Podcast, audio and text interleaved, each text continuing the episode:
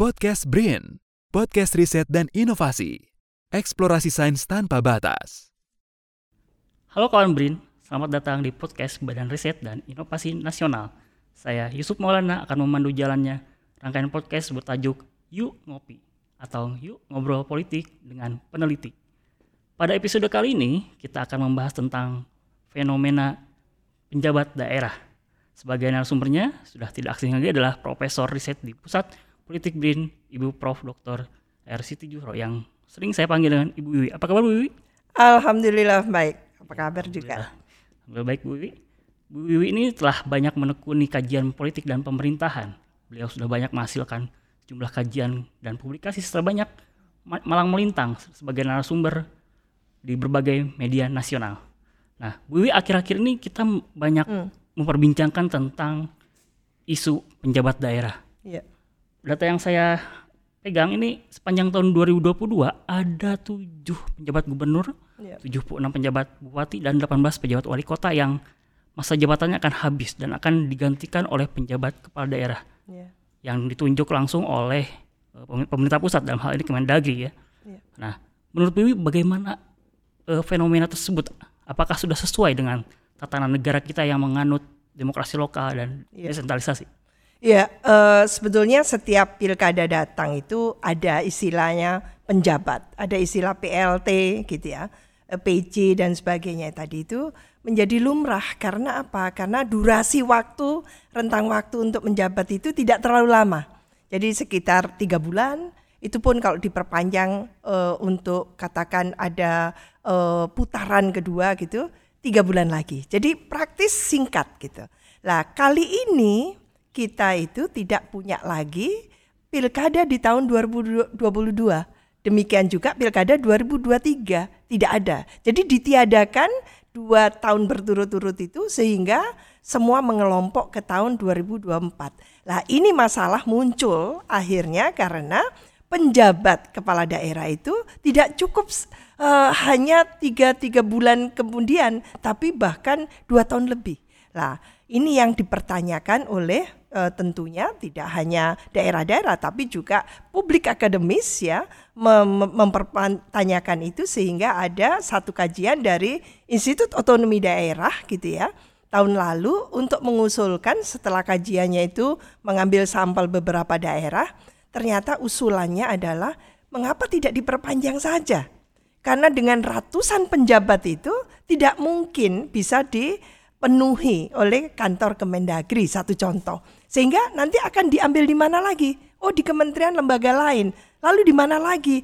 Lah, sehingga muncul polemik ada uh, personil Polri, personil dari TNI dan sebagainya yang itu menambah uh, silang sengkarut ya uh, bagaimana penjabat yang seharusnya melakukan tentunya tugasnya tadi ini. Ini tarikan politiknya itu yang sangat kental. Yang itu menimbulkan satu kecurigaan kewaswasan dari publik luas bahwa sebetulnya ini cara gitu seolah-olah pemerintah nasional kalau untuk provinsi itu adalah domainnya dari pemerintah nasional melalui Kemendagri, sementara untuk kabupaten kota itu domainnya uh, provinsi untuk memilih. Lah, yang terjadi beberapa bulan yang lalu adalah sengketa. Karena apa?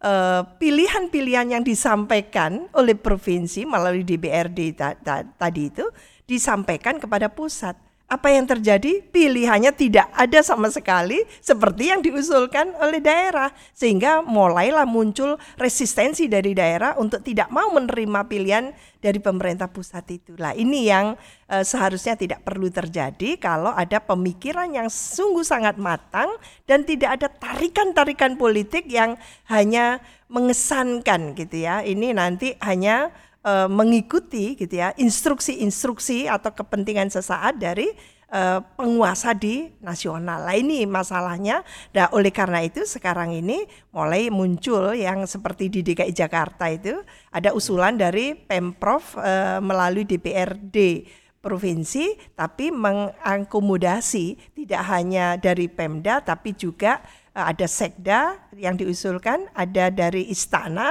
ada juga dari Kemendagri yang memang sudah malang melintang dan itu yang menjadi diskusi sangat menarik dengan begitu ada usulan atau desakan yang sangat imperatif dari publik luas itu agar transparansi tetap dikedepankan. Jadi eh, apa ya fungsi representasi, fungsi transparansi dan uh, apa akuntabilitas tadi itu harus dikedepankan. Itu sebetulnya yang masih menjadi pekerjaan rumah dari pemerintah nasional untuk meyakinkan bahwa dengan penjabat-penjabat tadi itu tidak akan menimbulkan silang sengkarut atau bahkan stagnasi ya untuk daerah-daerah lalu macet membangun karena lalu politiknya lebih dominan ketimbang tupoksi atau tugas pokok fungsi dari daerah itu untuk menjalankan atau kepala daerah penjabat tadi itu menjalankan tugasnya. Itu mungkin. Ya. Iya, menarik Bu. Tadi bagaimana ada tarikan-tarikan politik yang kuat dari pemerintah pusat. Sementara kita ada amanat informasi, ya. yaitu otonomi, otonomi daerah atau desentralisasi ya. itu apakah tidak mengurangi esensi dari desentralisasi otonomi daerah itu sendiri? Ya. Dengan adanya tarikan-tarikan politik tersebut. Iya, uh, ini ada dua hal ya yang harus kita ingat bahwa sebetulnya uh, esensi dari desentralisasi dan otonomi daerah itu ada empat empat uh, yang harus menjadi achievement dari daerah itu. Jadi uh, dengan dengan esensi tadi itu ada kewajiban bahwa pemerintah daerah itu mewujudkan satu tata kelola pemerintahan yang baik. Satu pelayanan kualitas pelayanan publik yang juga betul-betul service delivery-nya itu bagus kan gitu. Lalu juga tentang bagaimana meningkatkan daya saing ekonomi daerah. Dan yang terakhir adalah tentu untuk kesejahteraan masyarakat. Itu yang sangat penting menurut saya. Dan itu. Lah, satu sisi lain eh, kepala-kepala daerah ini dan wakil kepala daerah dipaketkan untuk dipilih langsung oleh rakyat itu ya dari rakyat oleh rakyat untuk rakyat jadi ujung-ujungnya itu adalah kesejahteraan rakyat lah penjabat kalau nuansanya politik bagaimana dia bisa mengaplikasikan tupoksi tadi itu yang esensinya mensejahterakan masyarakat. Jadi yang harus diemban adalah membenahi birokrasi di internal tadi itu, menjaga betul roda pembangunan daerah itu adalah birokrasi daerah. Ah, lalu eh, pada saat yang bersamaan dia juga bisa mengimbangi dengan pola relasi, menciptakan pola relasi yang bagus dengan DPRD-nya. Demikian juga karena pilkadanya langsung, bagaimana dia berkomunikasi dengan masyarakat luas. Lah ini yang harus memang dimiliki ya talenta yang seperti itu yang dimiliki oleh penjabat tadi itu karena dia akan memimpin cukup lama dan tapi tentu dalam perjalanannya itu bisa dievaluasi. Jadi kalau ternyata meleset tidak seperti penjabat yang diharapkan itu akan ada dievaluasi dan tidak tertutup kemungkinan untuk diganti kan itu. Ya, idealnya seperti itu ya, bagaimana ada evaluasi, evaluasi dan sebagainya. Tapi aturan-aturan mengenai penjabat daerah sampai tahun 2024 ini terkesan masih lemah ya. Mahkamah Konstitusi, hmm. Ombudsman dan kelompok masyarakat sipil itu mendorong agar Kemendagri mengeluarkan semacam peraturan pemerintah dan sebagainya. Yeah. Namun saat ini belum yeah. terlihat ada langkah menuju ke sana. Yeah. Ini ada apa Bu Wiwi, menurut Bu Wiwi? Kenapa yeah. Kemendagri ini terkesan ragu-ragu atau apa ya menunda adanya yeah. peraturan yang kuat itu untuk mengatur. E, memang sebetulnya secara makro kalau kita tarik secara makro bahwa gonjang ganjing silang sengkarut yang ada di institusi penegak hukum ini adalah refleksi konkret ya dari negara ini belum mampu menegakkan hukum. Lah demokrasi kita tanpa ditopang oleh penegakan hukum yang bagus akan carut marut. Lah berkaitan dengan penjabat tadi itu memang ya eh, penjabat nanti itu akan memiliki otoritas yang cukup. Karena lama lagi ya. Lah, untuk isu-isu strategis, kebijakan-kebijakan strategis, penjabat kepala daerah tidak bisa memutuskan sendiri. Maka dia harus berkonsultasi uh, dengan Kemendagri. Mendagri dalam hal ini. Jadi kalau tidak ada endorsement dari Mendagri, maka tidak bisa mengambil satu kebijakan strategis termasuk ya nantinya adalah uh, melakukan tour of duty. Jadi pergantian pejabat di uh, internal Pemda atau mungkin ada sanksi pemecatan dan sebagainya, itu tidak cukup dengan surat edaran surat edaran itu yang kemarin disorot tajam oleh publik akademis, oleh aktivis karena itu menyalahi. Jadi tidak bisa mengelola gitu ya eh, birokrasi kita itu dengan ala kadarnya, dengan surat edaran seperti itu tidak bisa. Jadi itu menyangkut nasib tentunya gitu seorang birokrat, seorang PNS atau ASN yang tidak bisa begitu saja dikelola dengan surat edaran. Lah ini yang terus diperbaiki ya. tapi tetap seharusnya ada PP di situ, tidak cukup dengan surat edaran dan harus ada keterikatan secara hukum ketika penjabat kepala daerah tadi itu melaku, akan melakukan tour of duty atau pemecatan dan sebagainya. Lah ini yang jangan sampai hanya karena tarikan politik e, sesaat gitu ya, kepentingan-kepentingan untuk kekuasaan semata lalu terjadi tour of duty besar-besaran kayak di DKI tidak tertutup akan terjadi seperti itu. Lah ini kalau akan terjadi seperti itu, lalu prioritas utama bukan membangun,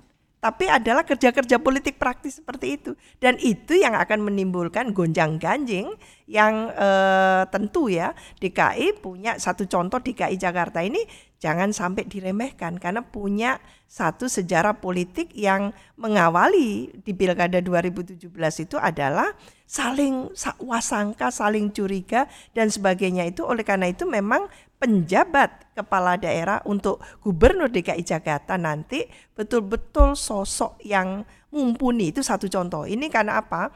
Karena Jakarta ini menjadi barometer dalam banyak hal, tidak hanya politik tapi juga pendidikan, niaga gitu ya, kesehatan dalam banyak hal Jakarta itu menjadi satu apa acuan gitu ya bagi daerah-daerah lain. Itu mungkin. Iya, menarik tadi poinnya bagaimana harus ada regulasi yang kuat ya karena ya. jangka waktu dua tahun itu tidak, tidak sebentar. Iya. Harus melakukan banyak kebijakan-kebijakan strategis oleh kepala daerah. Jadi power dari regulasinya harus lebih tinggi, lebih kuat. Betul. Nah, salah satu yang isu hangat akhir-akhir ini adalah soal mutasi jabatan dan sampai pemecatan ASN yang diperbolehkan karena ya. perlu adanya uh, apa kewenangan yang kuat dari penjabat ini. Iya. Nah, sementara ini aturan yang ada, kenapa penjabat daerah tidak boleh melakukan mutasi dan pemecatan? Alasannya ya. adalah untuk menjaga netralitas ASN. Persis.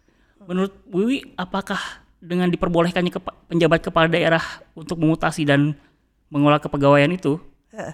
bisa mempengaruhi netralitas ASN baik di pemilu 2024 yeah. sampai pilkada 2024? Betul kita memang punya sejarah yang sangat panjang dalam menegakkan uh, reformasi birokrasi, Ten, uh, khususnya ya berkaitan dengan netralitas ASN ya.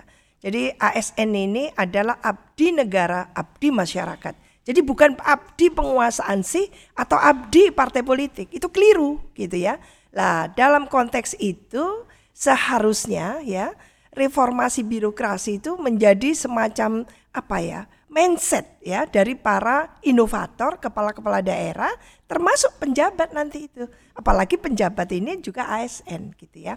Nah, dalam konteks itu memang kita harapkan bahwa bagian tak terpisahkan dari reformasi birokrasi itu adalah memberikan pelayanan publik yang prima kan gitu ya. Lalu memberikan bagaimana semua mindset, culture set gitu ya. Kita itu juga berubah kan gitu. Eh, daerah-daerah tidak boleh gitu ya uh, disekat-sekat atau di kotak-kotak hanya karena uh, praktek politik yang pilkada langsung itu satu contoh. Nah, ternyata uh, apa yang terjadi selama 2005 sampai 2020 menunjukkan bahwa birokrasi menjadi daerah itu biro, biro, birokrasi di daerah itu menjadi partisanship. Nah ini yang uh, apa tidak terlalu menggembirakan dalam perjalanan uh, pembangunan demokrasi di daerah karena birokrasinya masih partisan tadi itu.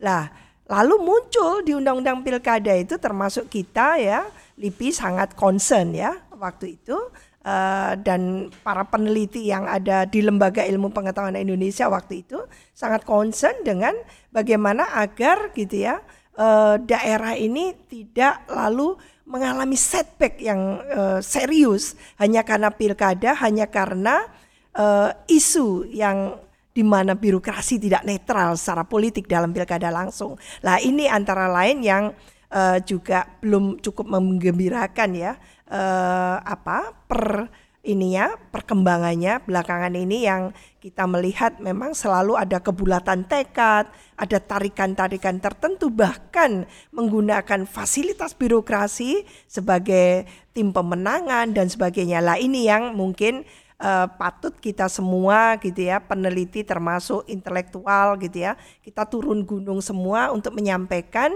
bahwa ada harus ada MOU lagi antara KSN ya Komite Aparatur Sipil Negara dengan Bawaslu. Ini sudah dilakukan sejak 2020 tapi tetap saja masih kalah gitu ya. Kalah gesit dengan tarikan-tarikan politik yang membawa birokrasi kita itu sangat tidak apa? Sangat tidak netral tadi. Itu antara lain ya. Iya, terima kasih Bu.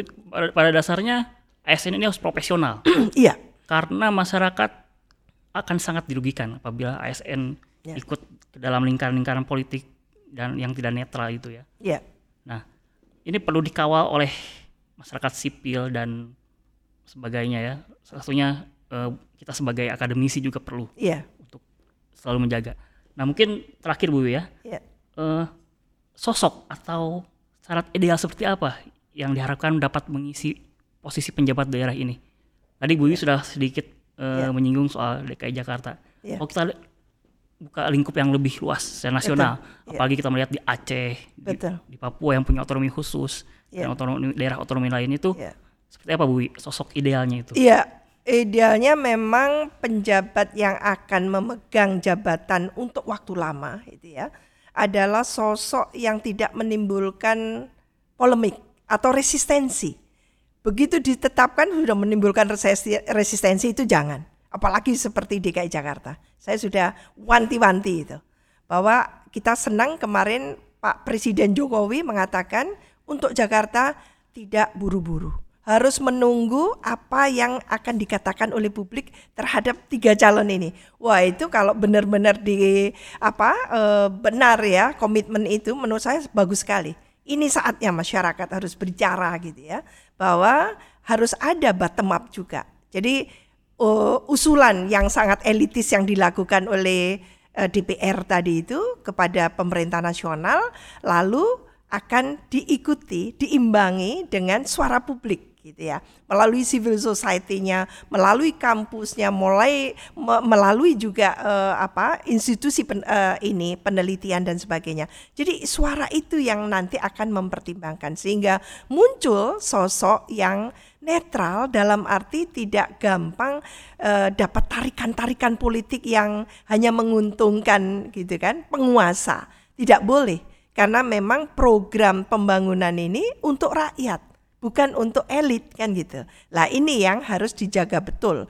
Jadi kalau sudah penjabat kepala daerah tidak menimbulkan kepercayaan, ini akan susah menurut saya. Oleh karena itu memang sudah suasananya adalah dari rakyat oleh rakyat untuk rakyat. Karena itu penjabat gitu ya, kepala daerah harus memahami betul bahwa dia akan bekerja untuk rakyat daerah gitu ya. Bukan untuk memuaskan penguasa yang ada di Jakarta bukan gitu ya. Jadi bekerja untuk memuaskan pembangunan daerah mensejahterakan masyarakat daerah harus itu yang menjadi polanya. Sehingga tipe ideal tadi itu yang memang tipe pekerja dia bekerja eksekutor gitu ya. Karena bidangnya adalah eksekutif. Dia melakukan tugas-tugas eksekusi jadi bukan bla bla bla, bukan. Ya kalau itu ada di DPR dia, bukan di uh, eksekutif gitu. Karena eksekutif uh, maka kelebihan dari penjabat tadi itu mampu mengeksekusi dengan mempertimbangkan baik itu peraturan dari atas, bagaimana mengimbangi dengan DPRD-nya, bagaimana bersinergi dengan masyarakatnya sehingga antara uh, Pemda dan masyarakat lokal itu saling empowering. Ya, ini yang kita harapkan. Ah, lagi-lagi tentang birokrasi, karena birokrasi itu sulit untuk melakukan change from within gitu ya, perubahan dari dalam dirinya, maka memang sangat diperlukan peran dari civil society itu untuk mengkritisi, mengingatkan dan sebagainya, put pressure terhadap Pemda terhadap uh, birokrasi tadi supaya mereka selalu ingat bahwa dia bekerja dalam koridor untuk NKRI, untuk daerah, untuk masyarakat dan sebagainya.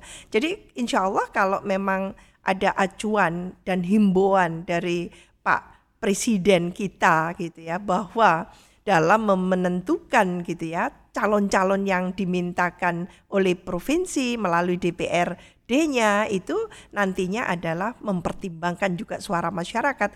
Insya Allah tidak akan ada resistensi. Itu mungkin. Ya menarik Bu Wiwi tadi poin-poinnya mengenai komitmen ya. dari pemerintah pusat terkait dengan penunjukan kepala daerah. Ini saya kira bukan hanya di Jakarta ya. dilakukan tes on the water ini ya. ya. Bagaimana DPRD menyampaikan ke publik calon-calonnya nanti uh, pemerintah pusat harus harus mendengar suara-suara publik seperti apa, apa yeah. yang mereka inginkan. Yeah. Tidak hanya di Jakarta menurut saya. Yeah.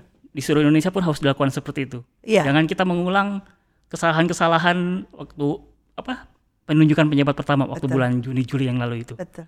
Yeah. Mungkin kita tunggu Oktober ini apa yang akan dilakukan oleh pemerintah terhadap penunjukan kepala daerah ini. Apakah komitmen, komitmen. dan konsistensinya ya, konsistensinya betul. itu betul-betul diwujudkan gitu kan? Supaya rakyat itu harus apa? diberikan kepercayaan. Jadi kalau ada public distrust yang terlalu dominan, Indonesia tidak bisa membangun. Jadi harus ada distrust ya, oleh uh, ada trust, trust publik trust. ya, public trust tadi itu yang cukup tinggi oleh masyarakat untuk mendorong pembangunan kita agar betul-betul akseleratif kan itu.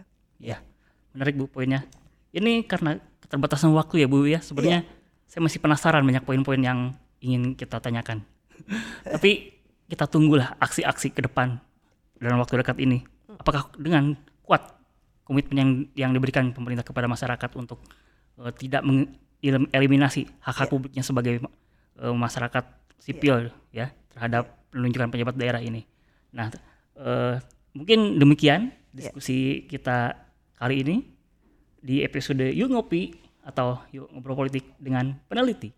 Terima kasih atas perhatiannya. Uh, sampai bertemu sampai pada episode berikutnya. Salam eksplorasi sains tanpa batas. Wassalamualaikum warahmatullahi wabarakatuh. Waalaikumsalam warahmatullahi wabarakatuh. Podcast Brain, podcast riset dan inovasi. Eksplorasi sains tanpa batas.